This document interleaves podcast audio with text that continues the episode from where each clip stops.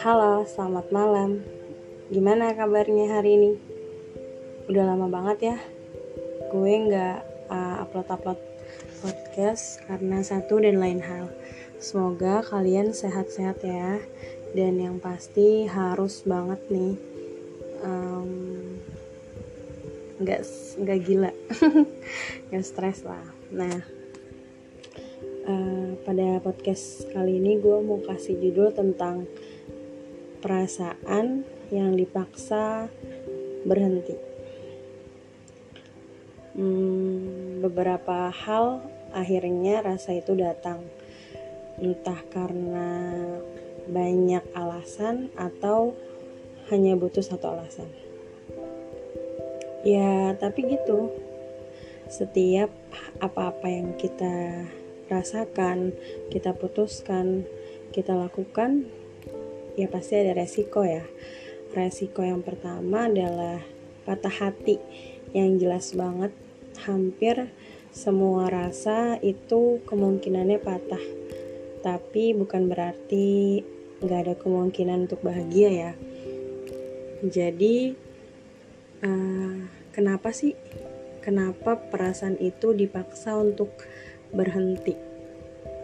Ya, karena hmm, ada dua hal yang akhirnya perasaan itu berhenti, dipaksa untuk berhenti. Yang pertama,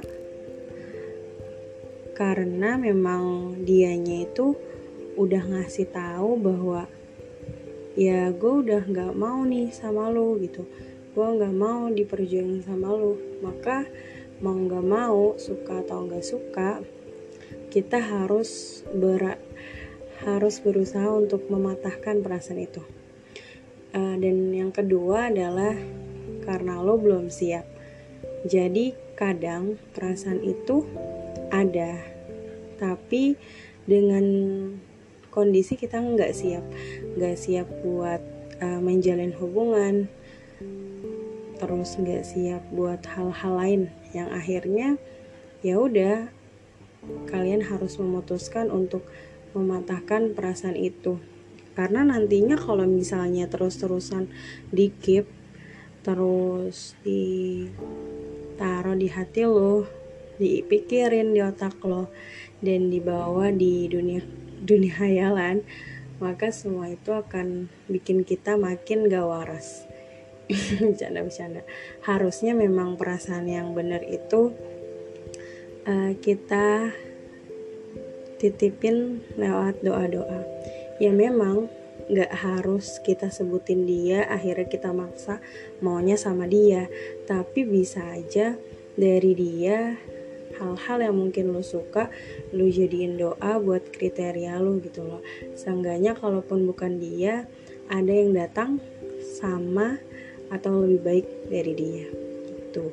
Di waktu yang tepat dengan orang yang tepat juga.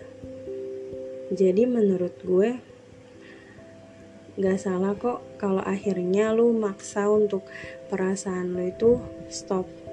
Karena daripada nyakitin diri sendiri eh, dalam jangka waktu yang lebih panjang mendingan sakit lebih dalam tapi jangka waktunya itu ya lebih sebentar lah ya.